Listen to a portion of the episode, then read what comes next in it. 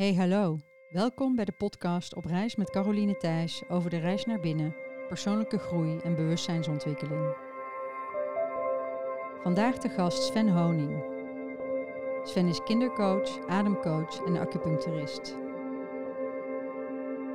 Volgens hem nemen kinderen veel spanning op en zijn vaak de thermometer van het gezin.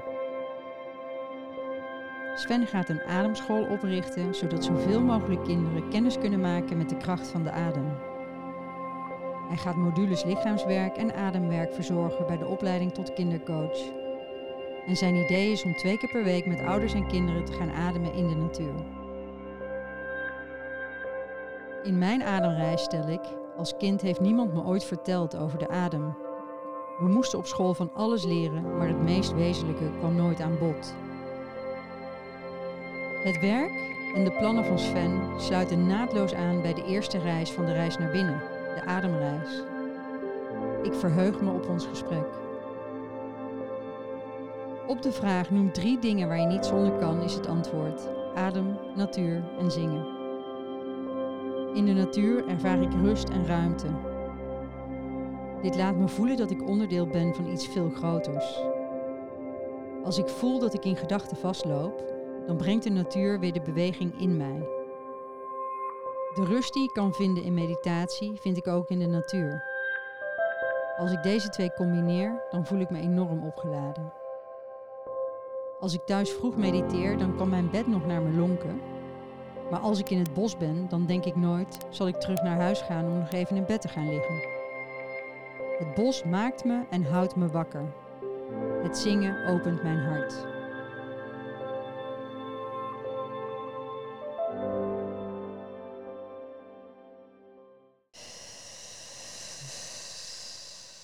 Welkom Sven. Dankjewel, Caroline. Fijn dat je er bent. Ja, dankjewel voor de uitnodiging. Graag gedaan. Ja, wij gaan al even terug. De eerste keer was, uh, weet ik eigenlijk niet precies meer, maar ik weet wel dat je kwam ademen in de yogaschool. Ja. ja. Ik had toen een ademopleiding gedaan en toen wilden we met kleine groepjes gaan ademen, zo zes mensen. En ik weet eigenlijk niet hoe we bij jou kwamen uiteindelijk, maar het was een hele fijne plek. Dus daar is het uh, ademwerk in groepjes mee begonnen. Met, hoe heette hij? Met Jurgen. Jurgen, Jurgen Weijers. Ja. dat was in 2011, dus uh, inderdaad, kennen we elkaar tien jaar. Mooi. Ja. En hoe is het je vergaan? Want eenmaal dat je echt start met bewust ademen, dan laat dat je niet meer los. Nee. Nou, wat er gebeurde was dat ik volgens mij na de eerste week echt zo voelde van dit wil ik delen. En ik weet nog dat ik in die ademsessie kwam het dan langs. Uh, wat ik zou het aan die willen geven en aan die en aan die.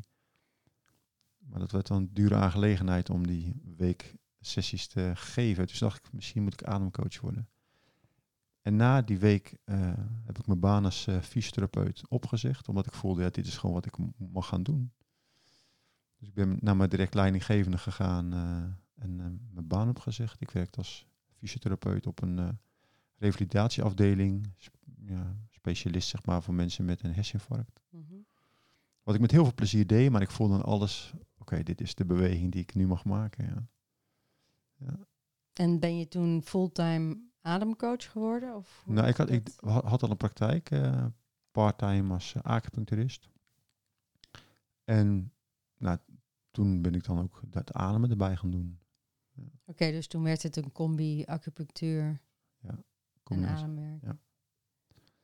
En ben je daar, is, zijn, zijn, is dat met fases gegaan of doe je dat nog steeds? Ja, er is wel een verandering in de vorm. Toen had ik echt, uh, ik deed of acupunctuur of ademwerk.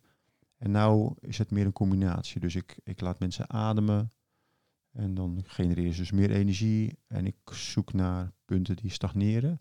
Hm. En dat doe ik soms met, me, met de handen, met drukpunten of met, met klank. Of ik zing soms. Of nou, acupunctuur, maar datgene wat opent. Dus het is nu wat, um, wat een vrijere vorm, zeg maar. Ja. En ik werk ook nog als acupuncturist, maar als ik, als ik het ademwerk doe, is dat uh, wat een vrijere vorm. Mm. Ja. Dus het is een authentieke vorm. Ja, het is zeker meer een authentieke vorm, ja. Je krijgt een Sven-behandeling. Zeker krijg je een Sven-behandeling, ja, ja. En uh, ik weet nog dat je ook uh, ademwerk hebt verricht voor de osteopaten. Ja. Kan je daar iets over vertellen? Ja, ik was gevraagd door René Zweedijk. Die heeft een eigen opleidingscentrum voor bijscholing voor osteopaten. Mm -hmm. En um, zeg maar, het adem is wel een onderdeel, maar niet zo groot zeg maar, binnen de osteopathie. Ze had gevraagd of ik daar een aantal dagen les over wilde geven. Dus dat hebben we samen gedaan. En ja, dat is een mooie combinatie. Ja, we hebben ook gekeken van hoe kan je dus de ademvormen combineren met osteopathische handelingen. Mm -hmm. Dus net zo goed als ik het nu combineer met de acupunctuur, had ik ook vertrouwen in dat dat heel goed te combineren is met, uh, met osteopathie. En uh, nou, dat, uh, dat gaat waarschijnlijk eind volgend jaar of eind dit jaar nog een keer plaatsvinden. Dus ja, het was, mooi, ja. mooi. Ja, het is natuurlijk niet alleen um, bij de osteopaten of bij de acupuncturisten. Het is overal toepasbaar. Ja. Je adem inzetten als medicijn. Ja. Zou natuurlijk heel mooi zijn als het nog breder ingezet zou gaan worden. Ja, nou, ik probeer het ook te combineren met uh, uh, kindercoaching. Of ik probeer dat niet, ik doe dat. Mm -hmm, mooi. Ja. Dus zeg maar binnen de... Mijn vrouw heeft een opleiding uh, voor kindercoach. Mm -hmm. En ik ga daar de, het ademonderdeel voor zorgen. Het adem- en lichaamswerk. Zodat de kindercoaches ook dat onderdeel ja, kunnen inzetten. Ja. Ja. Ja, in mijn um, um, ademreis, dus mijn reis door de adem, is denk ik de openingszin. Ik heb op school van alles geleerd, maar niemand heeft me ooit verteld hoe ik de adem in kon zetten. Mm. En je adem is je leven. En niemand vertelt het je. Dus dat is, het is prachtig dat je dat met kinderen gaat doen. Want ja, daar begint het gewoon. Dus kun je daar iets over vertellen? Want je, je coacht nu ook kinderen. Mhm. En, en zet je dan de adem in? Ja, ik ga vaak met ze op zoek. Hè. Dus het gaat heel veel over stressregulatie. Hoe kun je met spanning omgaan? En veel kinderen zijn natuurlijk de... Nou, mijn uh, vriend zegt altijd de thermometer van het gezin. En nemen natuurlijk ook veel spanning op. Hè. Kan zijn. En dan gaan we op zoek, wat is een vorm? Hè? Is het een vorm van meer losschudden? Is het als het huilende kind op de grond uh, stampvoeten? Is dat de vorm om energie los te laten? Of welke ademvorm? Dus ik ga eigenlijk op zoek binnen de eerste sessie, zeg maar, wat een fijne vorm is voor hun. Mm. En die gaan ze dan toepassen. En, en dan kan ik er steeds wat meer bij doen om het um, nog specifieker voor hun, hun eigen ademvorm te creëren. Ja. En wat ik ook wat doe, is met, uh, met ouder en kind uh, samen ademen. En dat is heel bijzonder. Kan je, daar, kan je daar een voorbeeld van geven? Want ik kan me voorstellen dat als ouder en kind samen ademen, dat er echt, er kan er van alles gebeuren. Ja. Nou, de laatste was een, um, uh, een jongetje wat al een aantal weken bij mij komt. En die, die uh, man, die, die ken ik daarvoor. Had ik uh, in de praktijk ook ademwerk mee gedaan. Maar nu kwamen ze voor de eerste keer samen. Mm. En hij was helemaal ontroerd, want hij kwam er moeilijk in. Maar zijn zoon bleef heel stabiel doorademen. En, en hij zei, daar werd ik echt door gedragen. En het ontroerde me dat, die, dat zijn zoon dat zo uh, in verbinding kon blijven, zeg maar, met zichzelf en met zijn adem. Dus het is een hele fijne vorm waar, waar we nat, naartoe gaan, dat, dat ze ook zelf samen dan thuis gaan ademen. Ja.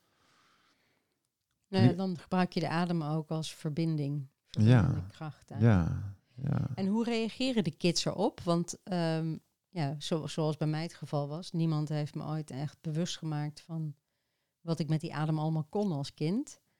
Dus als je met die kinderen ademt, hoe, hoe staan ze daarvoor open? Uh, zijn ze giechelig? Hoe, wat zijn de reacties? Ja, nou de, de, eigenlijk de eerste uh, ervaring met, uh, dat was denk ik vijf jaar geleden, die, die, die was voor mij zo indrukwekkend. Was een jongetje dat ging ademen en zijn benen gingen bewegen. Dus ik vroeg aan hem, uh, heb je, zit er, ben, je, ben je onrustig? Nee, nee, ik ben niet onrustig. Zei ik, nou weet je wat, dan ga jij doorademen en dan ga ik met je benen praten. En, en dat is sowieso leuk dat kinderen dat niet raar vinden dan. Dat. Dus ik vroeg aan hem van, van goh, laat hem, laat hem Tom heten, ik weet niet meer. Tom, de benen van Tom, zit er onrust in Tom? En zijn benen gingen schudden. En ik ging zo de emoties af. Zit er boosheid in Tom? En zijn benen gingen schudden. Zit er verdriet in Tom? En op het laatste zei ik, ehm, zit er ook eh, ontspanning in Tom? En hij lag helemaal stil. En na die sessie ehm, eh, zei hij, mag ik even een ro- rondje door de zaal heen rennen? We hadden een grote zaal, dus hij rent twee rondjes door de zaal. En ik zei, nou, stap nou maar weer binnen bij Linda, bij mijn vrouw. Dan ging hij daar verder. En hij stap binnen en, en al het verdriet kwam vrij. Mm. En wat me opviel was dat het met zoveel gemak ging. Heel weinig hoeven uitleggen, heel natuurlijk eh, in die adem kunnen komen. En dat is wat ik nu ook nog steeds zie met de kinderen, dat ze, ja, ze- dat ze het heel normaal vinden en dat ze onder de indruk zijn van dat, wat ze voelen in hun lijf. Of dat ze zeggen, goh, ik, het leek wel of ik door de matras heen zakte. Of ik ging allemaal verschillende kleuren zien. En ja, ze vinden het een hele spannende ontdekking. Ja, ja, Ja, prachtig. ja. Ik, eh, je hebt hem ook ontmoet. Gorge kwam eh, twee keer per jaar altijd naar Roosendaal om de adem- en lichaamswerk als combinatie uit te voeren. En Gorge zei altijd, el cuerpo sabe. Dus het lichaam weet het. Hmm. En dat is eigenlijk wat je net... eh, wij vertrouwen zo op ons hoofd en zo weinig op ons lichaam. Maar wat je net zei met die jongen, dat is... Je, je kon met hem praten door het lichaam. Exact. Ja. Ja. Nou ja, ik, ik, heb echt, ik, ben, ik ben overtuigd dat we dat zo nodig hebben. Ja, Zowel ja. voor kinderen als ook voor volwassenen. Ja. Het contact met het lichaam. En voor mij is de adem eigenlijk... De adem brengt me meteen in contact met mijn lichaam. Mhm. Uit mijn hoofd, in mijn lijf. Dus ja, mooi. Mooi Ja, voorbeeld was ja, dat. ja. Ehm, volgens mij ga je ook met kinderen naar buiten. Hè? De natuur is ook een belangrijk onderdeel van Ja. wat je doet. Ja, we hebben een hele fijne plek waar we nu werken tegenover het bos. Dus ehm, ja, wat, wat sowieso fijn is met kinderen werken, als je, als je aan de tafel zit, zit je soms zo voor elkaar, zeg maar. Maar ze vinden het heel fijn als je zo schouder aan schouder aan wandelen bent. Dat praat ook wat makkelijker, dat is mijn gevoel erbij. En dan, ehm, dan leg ik wel eens uit aan ze van, goh, eh, eh, eh, jouw vader heeft kennis van jouw opa en jouw opa weer van zijn opa. Maar toen hadden ze ook nog computers of boeken. Maar er was natuurlijk een tijd dat de eerste opa zeg maar helemaal geen boeken had en geen televisie had en geen computer had. En waar haalde die dan de informatie vandaan? En dan, nou ja, dan komen we natuurlijk op dat dat de natuur is geweest. En dan gaan we met hun probleem, of met het probleem van het kind, gaan we de natuur in. En Mm. dan gaan we op zoek, ja, hoe zou de, de natuur ermee omgaan?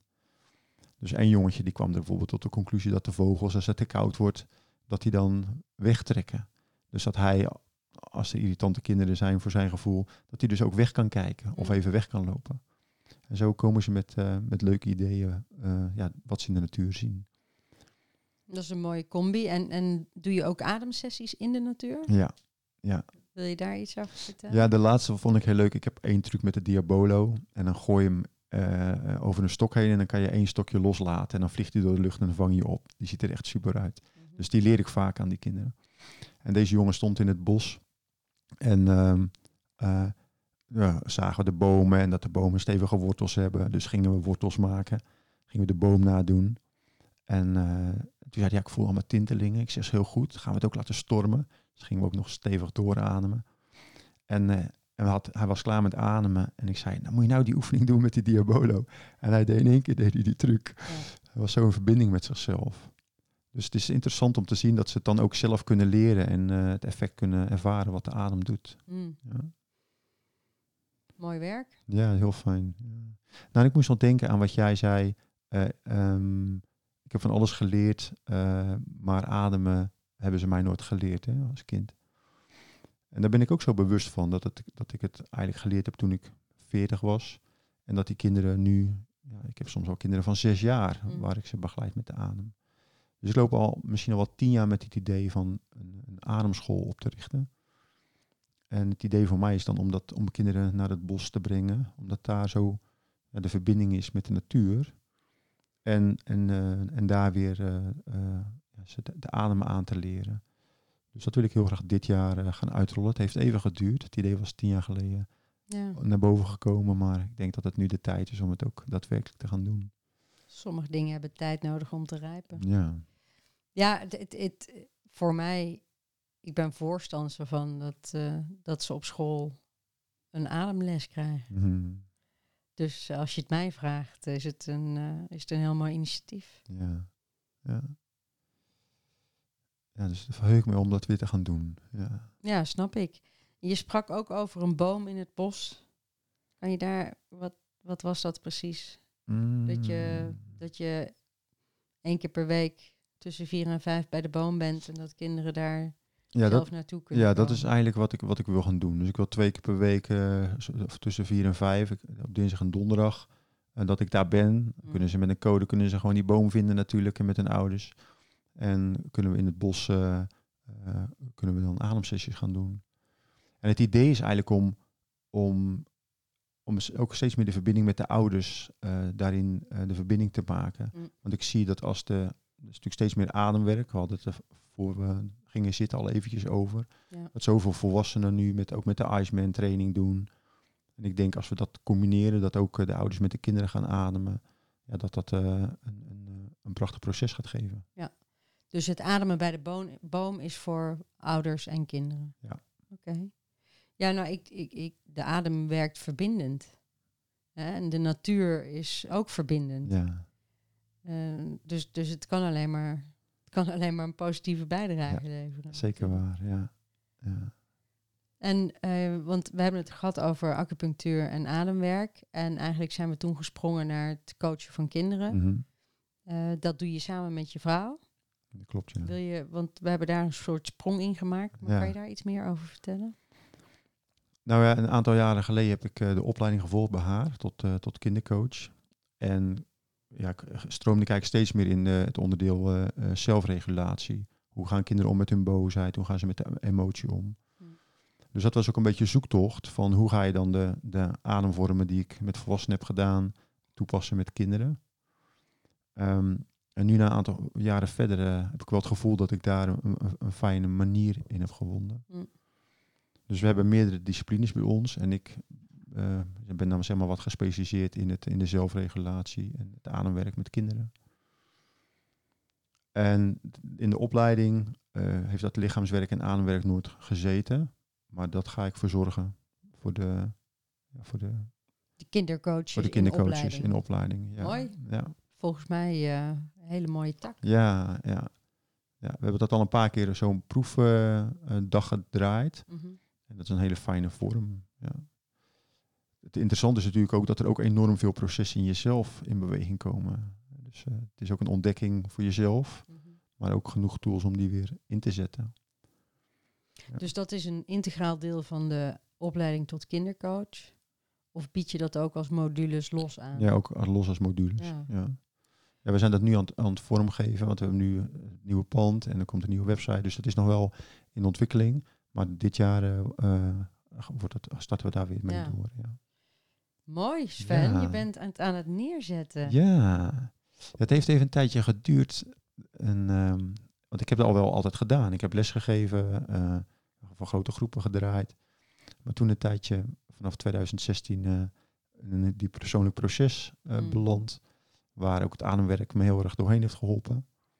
En nu voel ik wel weer de tijd om eh, wat dingen te gaan uitdragen en weer les te gaan geven. En te delen. En te delen. ja. Ja. En wat heeft de adem voor jou persoonlijk betekend? Of wat betekent de adem nog steeds voor jou? Ja, wat, wat er gebeurd was, denk ik, wat, dat, ik heb mijn nichtje gevonden eh, toen ze 14 maanden was en ik heb haar toen gereanimeerd en zij is overleden. Mhm. En dat heeft een enorme beweging gegeven. Maar hoe bedoel je gevonden? Zij, toen ik op aan het passen was in haar bedje, eh, gevonden zeg maar, heb ik haar moeten reanimeren.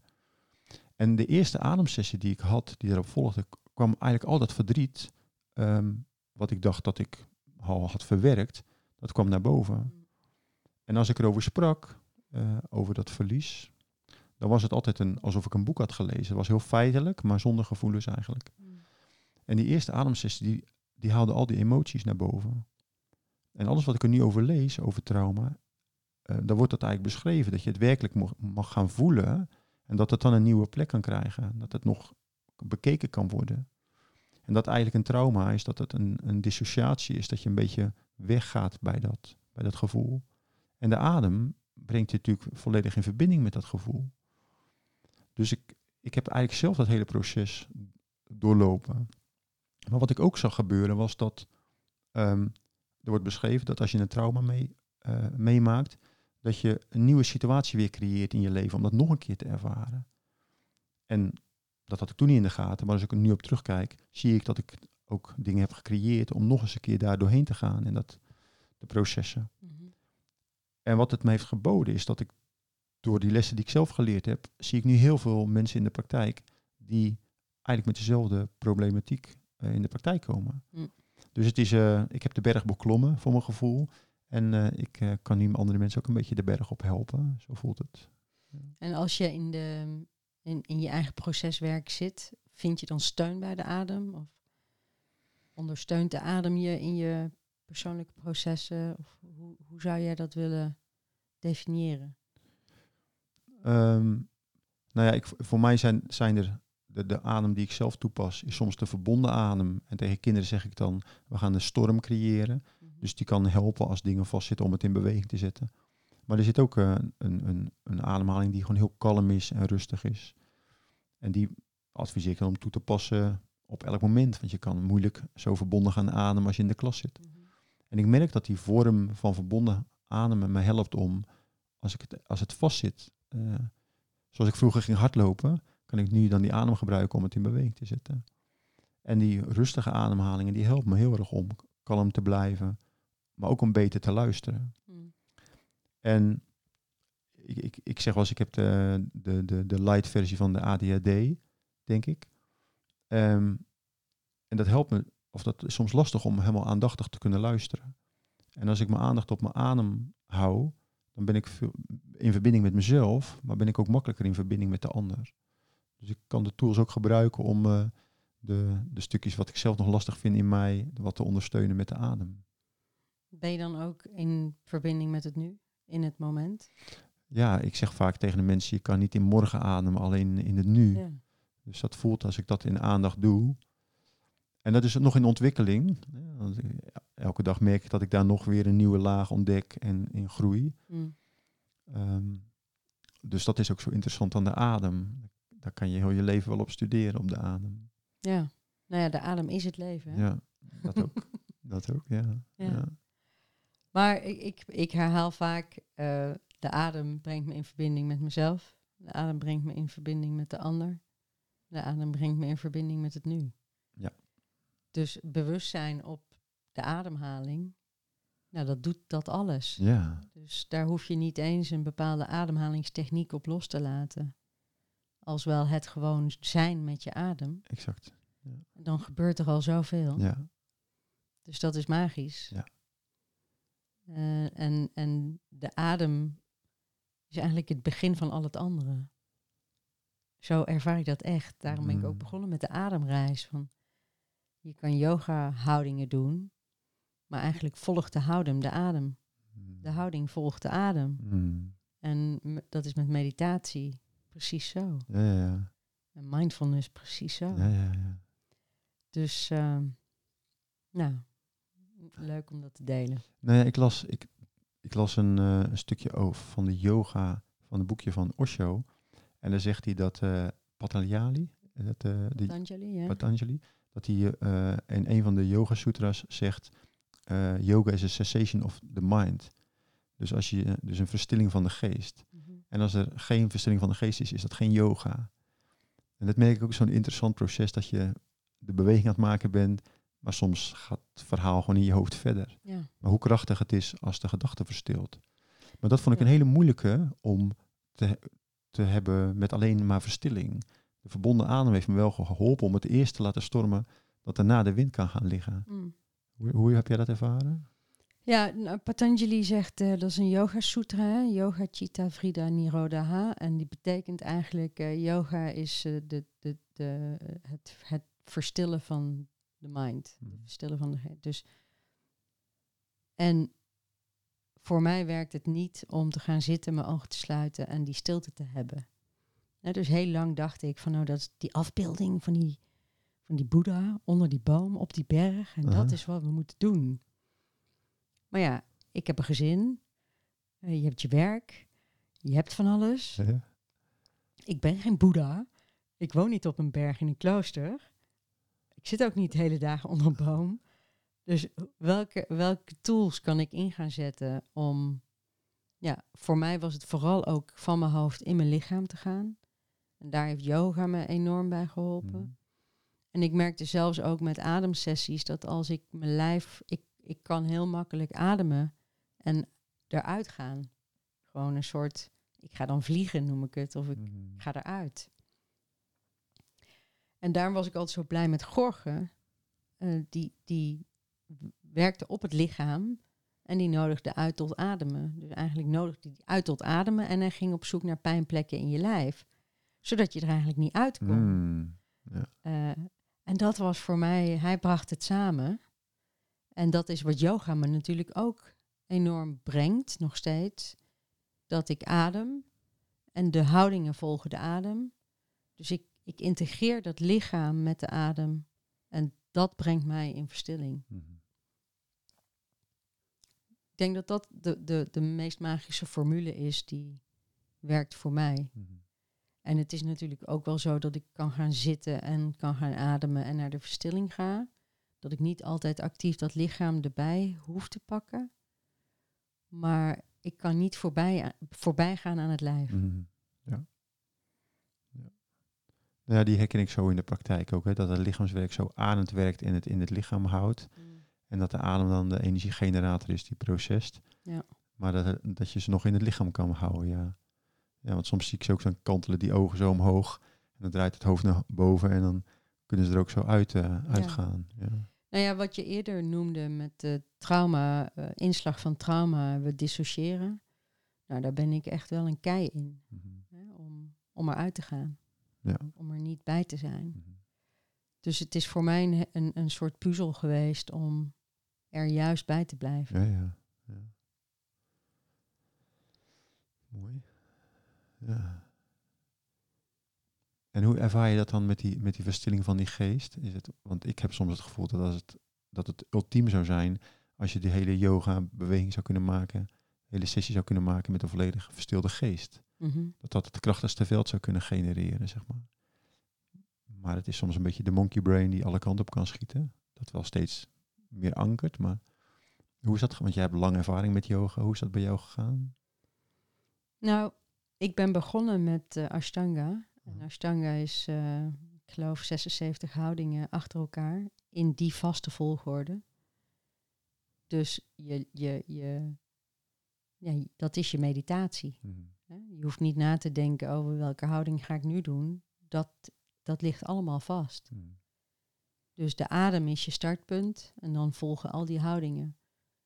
En, en door in die vaste structuur de houdingen te doen, dus de asana's uit te voeren, werd dat mijn meditatie. Oké.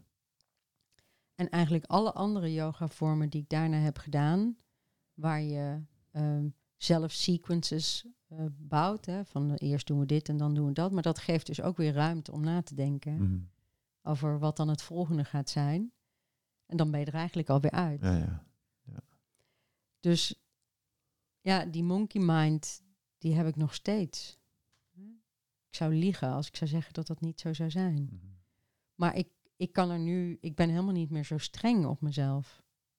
Hè, En ik kan ook veel makkelijker eh, ademen er naartoe en, en het ook weer laten. En dan, dus het komt en het gaat. En dat is, ik, en ik heb altijd een keuze. Als er een gedachte komt, ga ik erheen, ga ik die gedachte voeden. En nou, dan ben ik vertrokken, hè, want dan ga ik in die monkey mind van de ene gedachte naar de ander. Of ik laat de gedachte komen en ik laat hem ook weer gaan. Mhm. Maar vrij zijn van gedachtes, ja, dan, dan, dan denk ik toch dat ik die monnik moet gaan nadoen. Want dat gaat mij in, in de vorm zoals ik hem nu leef, eh, zijn dat gewoon momenten. Mhm. Ja.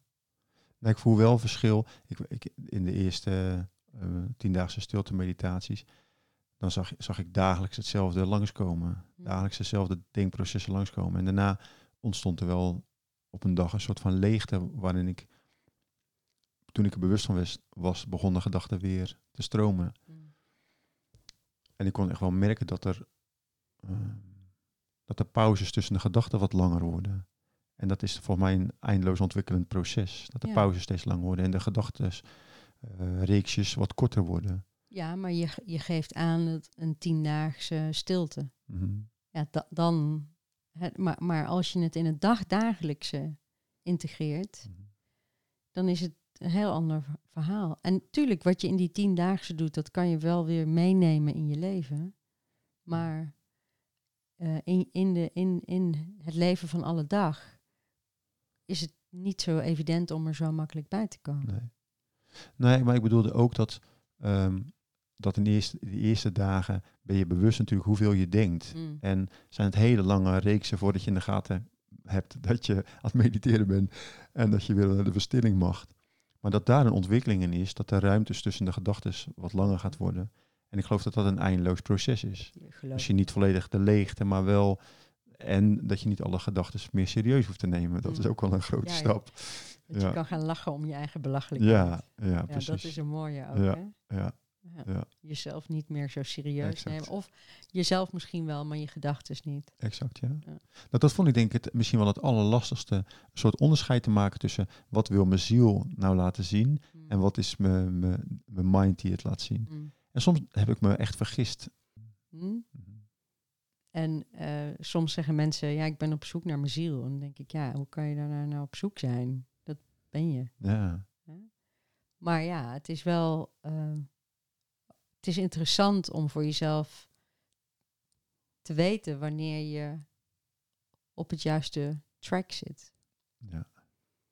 Nou, ik dacht misschien dat dat in de vorm zat. Maar toen las ik laatst in Eckhart Tolle in Nieuwe Aarde dat hij zegt... je hebt het interne en het externe doel. En het interne doel is gewoon ver- ver- vergroten van je bewustzijn. Mm. En dat externe doel, dat gaat zich vormen. Maar zodra je verliest in het externe doel, doel. dan komt tijd erbij en dan ben je niet meer in het nu. Ja. En nou, die, die was voor mij wel heel herkenbaar. Ja, zou die, zou die aanhaken op eh, het leven gaat door ons heen? Ja, Dus als je, als je dat interne doel cultiveert, dan gaat het leven door ons heen. Mhm. Want dan ben je volgens mij in lijn. ja, ja, En dan, dan manifesteert het zich Ja. ook. Ja. En op het moment dat je, dat je het met je gedachten creëert, en dat ga je najagen, dan ga je eigenlijk steeds weg bij. Ja. Maar ik weet dat ook niet zeker. Hè? Dit is hoe ik hem zelf aan het ontrafelen ben. Hmm. Nou, er wordt wel beschreven de, de hollow bamboo, hè, dat je de fluit bent waar het leven doorheen gespeeld wordt. Ja. En, eh, en dat zie ik wel in het ademwerk, dat, dat al die luchtkastelen, dat je die af gaat pellen en los gaat laten. En ehm, dat daar een verandering ontstaat en steeds meer ruimte komt. Mm. En steeds met inzicht dat, ja, van wat, wat ben ik nou aan het doen? Ik realiseerde me dat ik zo van, ik ben nu 50 jaar en heb ik 365 dagen ervaringen gekregen, eh, 50 jaar lang, waarin ik bewust ben dat dat natuurlijk niet allemaal door mijn keuze is geweest. Want heel veel dingen had ik liever niet in mijn vakkenpakket van het leven gehad, maar die kwamen wel op mijn pad om, om te zijn wie ik nu ben. En daar voel ik ook een, een nederigheid in dat, dat het door me heen gaat. En dat ik eh, daar mag genieten van alles wat op mijn pad komt. Ja. En ik zie in de praktijk, dat is eigenlijk het eerste wat ik vraag van, hoe lang ben je al bezig met je probleem? En dan zeggen ze bijvoorbeeld tien jaar. En dan, dan zeg ik, heb je vertrouwen dat ik dat op ga lossen? Nou, dan hebben ze natuurlijk ook niet dat ik dat even ga oplossen als zij er al tien jaar mee bezig zijn geweest. Maar dan geef ik vaak aan, zou je een sabbatical kunnen nemen van die mind die zoekende is? Ja. Want ik geloof dat de grootste energie vreten wel de mind is. En ik weet niet of, dat, of jij dat of, of je dat bevestigt, maar ik heb wel eens gelezen dat yogis anderhalf uur slapen. En dat die ehm, eigenlijk dat alleen het lichaam rust hoeven geven, maar dat de geest al stil is. En alle mensen die depressief zijn, ja, die slapen tien uur of meer. Mhm. Dus schijnbaar, als je dus heel veel gedachten hebt, heb je ook heel veel slaap nodig. Dus, dus dan pro- probeer ik ze bewust te maken van als je dus een sabbatical zou kunnen nemen van je gedachten in een week, dan heeft het, ben je ook even los van die zoektocht. En dat geeft weer extra energie om bij te komen. En dat in combinatie met de adem die ook nog meer energie brengt, eh, is naar mijn mening wel de beweging die, die gemaakt mag worden. Hm. Kan je sabbatical nemen? Dat is, hij klinkt heel logisch. Maar als mensen erin zitten, dan is dat... Het is een hele lastige opdracht, hè? Het is een lastige opdracht, ja. maar ze gaan herkennen waar ze in gevangen zijn. Ja. Ik vroeg altijd aan, aan ik vraag altijd, ehm, stel je hebt, een, eh, je hebt een stappenteller, maar je hebt ook een gedachteteller. Mhm. En als we die op je hoofd plakken en daarna kom je bij mij en rollen we hem uit en hebben we 75.000 gedachten gehad. Wat is dan de top drie ja. eh, van, van wat het meeste langskomt? En bij mij was dat altijd ideeën. Ik was een soort van ideeëngenerator. Maar er was nooit iemand in de praktijk die zei, ik zit altijd allemaal ideeën te bedenken. dus toen dacht ik, ja, ik ben natuurlijk niet geboren als ideeëngenerator. en hoe, ja, hoe goed ben je aan, in mediteren als je alleen maar ideeën aan het bedenken bent? Dus dat heeft me geholpen om, om die te doorzien. ja. En zo probeer ik ook te kijken wat zijn hun, eh, wat is hun top, top drie. Nou ja, bewustzijn is het begin van verandering. Ja. Dus eh, het is een hele mooie opdracht. Want ik, volgens mij zet, zet de opdracht ook de mens in beweging om bewust te worden van ja, dat, dat, dat wiel waar ze maar in zitten. Mm. ja. Ja. En, en eh, de, wa- wat, ik, wat ik nu online aanbied is eigenlijk tools om die bewustzijnsontwikkeling, om die reis naar binnen te gaan Mm. en het daar, en het daar te doen. Mm. En eigenlijk als ze dan bij jou komen met een hulpvraag en je geeft ze dat als antwoord, dan zeg je ook dat ze, dat ze het zelf gaan doen. Ja, ja. Dat is wat, me zo, wat ik zo bijzonder vind. Hè? Dat ze, ze zeggen heel vaak, oh wat fijn, ik hoef eigenlijk helemaal niet zoveel te vertellen van het Mhm. verleden. Ehm, en de andere is dat ze, dat ze een tool krijgen met de adem. Dus heel snel wil ik ze laten ervaren dat ze zelf eh, de spanning los kunnen laten. Ja. Maar veel mensen zijn natuurlijk zo lang aan het zoeken. Ze zijn soms tien jaar aan het zoeken. En, en dan hebben ze één ademsessie en heel het lichaam gaat ontladen. Dus het is zo'n bewustwording dat ze schijnbaar al die spanning van tien jaar op kunnen slaan in dat systeem. Maar dat er maar heel weinig nodig is om je lichaam weer eh, te laten ontladen en die spanning vrij te maken. Ja. Nou ja, het, het, het, het, het werkt op geestelijke spanning, hè? dus al die gedachtes. En het werkt ook super op lichamelijke spanning. En, en die brug, dus de adem doet het allebei. Ja, De adem doet het allebei. ja, ja. En ik, ik, ehm, ik heb ooit een tijd eh, best veel gevast, omdat ik zoiets had van, oké, nou, eh, we hebben cellen en cellen hebben geheugen. Dus eh, als ik dan trauma heb, een inslag van trauma, dan is dat niet alleen geestelijk, dat is ook lichamelijk. Dus dan zit dat ook in mijn cellen. Dus ik ga vasten en dan Mhm. schoon ik al heel de boel op. Ehm, maar met de adem doe je dat ook. Je, je schoont op. ja. Dus je ruimt op. Ja. Zowel geestelijk als lichamelijk. Ja. Dus prachtig. Ja, nou ja, en ook dat, dan, dan moet ik nu denk, denk ik aan een, eh, aan een klant van mij. Ehm, ik had wel gelezen van eh, trauma en geboortetrauma en dat je als baby of, of zelfs in de geboorte iets mee kan maken en dat dat invloed heeft op, op eh, de rest van je leven. Maar dat was voor mij altijd een beetje abstract. Ehm, tot, tot een klant van 54 geloof ik, die vertelde dat hij s'nachts altijd wakker werd met het gevoel alsof hij stikte. En hij gaat ademen en in de eerste ademsessie eh, schiet zijn tong uit zijn mond, zijn ogen draaien weg en, en hij stopt met ademen en het ziet eruit of hij ook stikt. Ehm, en dat, dat duurde een aantal minuten. En na die sessie eh, zei hij tegen mij, ja, in die sessie herinner ik mij dat, dat eh, toen ik baby was, dat mijn moeder mij heeft me later verteld dat ik een baby was en mijn moeder was op het strand en wij woonden dicht bij het strand. En zij voelde dat er iets niet oké was. Dus zij rende naar huis en liep via de achterdeur naar binnen. Mhm. En toen ze op mijn kamertje kwam, was de au pair was ergens anders. En hij was aan het verdrinken in zijn badje. En ehm dan zal hij geen baby zijn, maar in ieder geval een jong kind. En toen vroeg hij aan mij, ehm, eh, zou dat ermee te maken kunnen hebben? En ik zei, nou dat weet ik niet, maar je lichaam weet het wel. Ja. Dus doe je ogen maar even dicht. En hij deed zijn ogen dicht en hij schoot er gelijk in één keer weer in. Dat was voor mij zo'n eye-opener dat we het allemaal opslaan. En dat we ook de ruimte hebben om het allemaal weer vrij te maken. Ja, dat, El cuerpo sabe. ja. Ik heb ook een heel mooi voorbeeld. Ik heb ehm, eh, die, die schildklieroperatie gehad. Hè, en, eh, en, en ik moest, ik ben één keer teruggegaan voor controle. En eh, die vrouw zegt, ga maar liggen. En ik ga liggen. En ik was heel rustig en goed aan het ademen. En op een gegeven moment zegt ze, leg je hoofd maar helemaal naar achter. En ik leg mijn hoofd naar achter. En de tranen biggelden over mijn wangen. Ik dacht, wat gebeurt hier nu? Weet je, dit was echt een, een soort reactie van mijn lichaam op het feit dat ze vroeg of ik mijn hoofd helemaal Hmm. naar achter wilde. En later kwam ik erachter dat als je geopereerd wordt aan de schildklier, dan word je in slaap gedaan. En dan leggen ze je eigenlijk met je hoofd helemaal naar achter om de Ah, operatie in die hals te ah. kunnen doen. Wauw. Dus toen dacht ik, ja, verrekt, het is ja, echt zo. ja, ja, ja, ja. Ja. Wat een mooi verhaal. Dus ademen om trauma, geestelijk, eh, lichamelijk, eh, op, te, op te lossen. ja. Daar doorheen te werken, Ja. om ruimte te maken, om jezelf te bevrijden. Mm. Al dat. Zo. Nou ja, dan, dan nu schiet mij te binnen dat ik een vrouw had, die was, had een misbruiktrauma meegemaakt.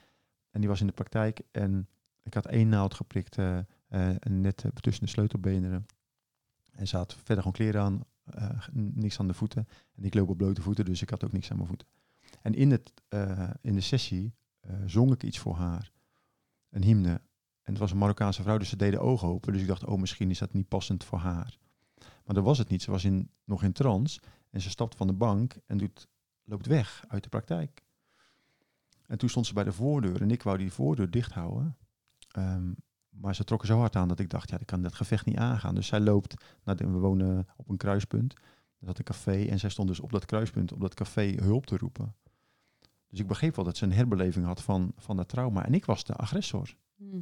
Dus zo keek ze ook naar mij. Dus kwam een vrouw aangefietst die zegt, ehm, die, ik zeg, kan je me komen helpen? Maar die zag mij en die denkt, ja, hij is die slechterik. dader. ja, de dader.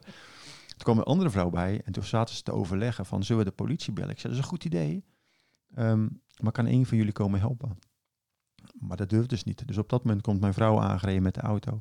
Die ziet dat gebeuren en die pakt die vrouw vast en neemt hem mee naar de praktijk.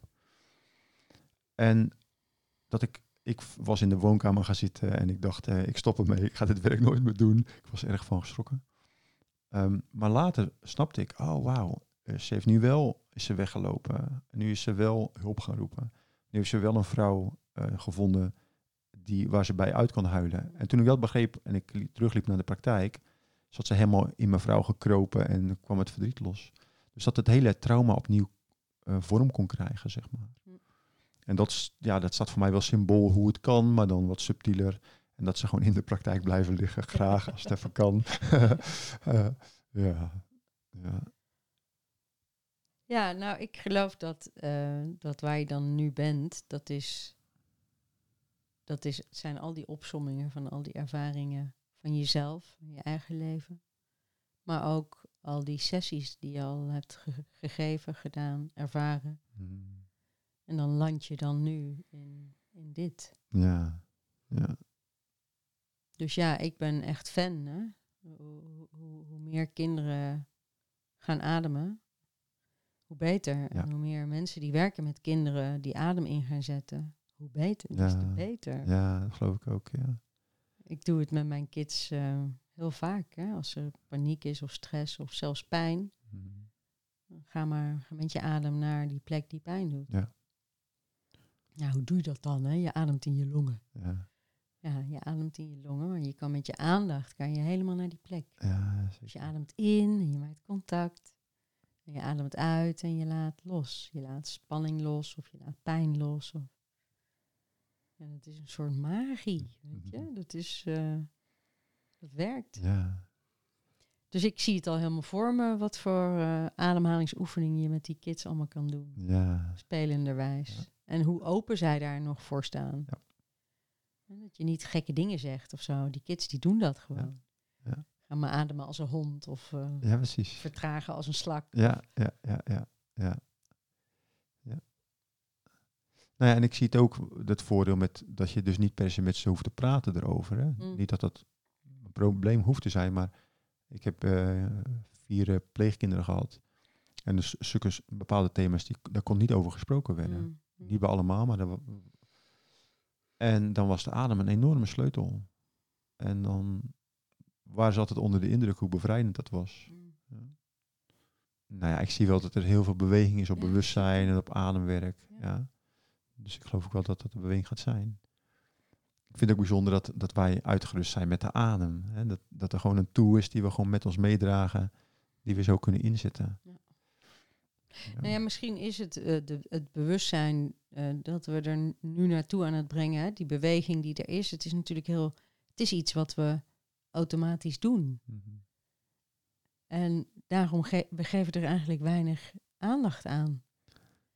Terwijl als je er aandacht aan gaat geven en je, je beseft hoe belangrijk het is. En wat het allemaal, wat het allemaal doet. Ja, dan is er, dan is er groei. Dan is er meteen iets in gang gezet. Dus ja, ik, ik ben heel enthousiast over alles wat er gebeurt eh, op ademgebied. Ja, ja. En je hoeft echt niet altijd in een koud bad. Er zijn zoveel manieren. En je hebt hem altijd bij je. Ja. Je hoeft geen yogamatje mee te nemen. Je hebt niks nodig. Het is er altijd. Mhm. Ja, en ik moest, terwijl jij dat zit te vertellen, moest ik nog denken aan dat het er altijd is. En dat ik het eh, zo irritant vond, tien jaar geleden of zo, toen ik niks van ademwerk wist, als je irritatie had met je kinderen en ze liepen weg en ze zuchtten zo, dat ze dan zo, dat ze dat deden. En terwijl nu bewust dat ontspannen uitzucht, dat het gewoon een moment was van spanning loslaten. Dus wat ik eigenlijk moeilijk aan het doen was over iets, alsof ze mij niet serieus namen.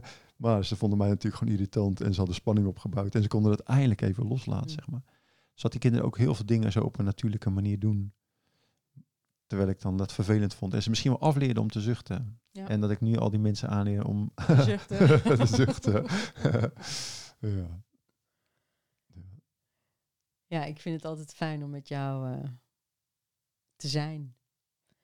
Dus als, dat, eh, als je op die manier heel veel kinderen aan kan raken en coaches aan kan raken, en dat mee kan geven, dan eh, komt dat vast goed. Nou, Dat is een mooi organisch proces, Van. ja, fijn. Dankjewel.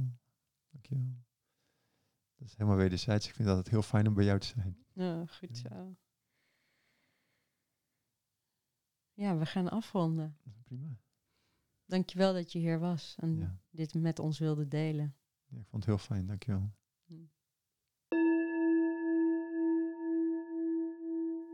hey, pst, ik heb nog iets voor je. Wil jij op avontuur gaan in jezelf om de kracht van de adem te ontdekken? Ga dan naar www.carolinethijs.nl slash ademchallenge en ontvang gratis 8 ademlessen in je mailbox. Het is een reis naar binnen vol inzichten, antwoorden, transformatie en flow. En wil je me helpen groeien en bloeien? Laat dan even een review of like achter of abonneer je op mijn kanaal. Adem je leven, activeer je levenskracht, laat je licht stralen.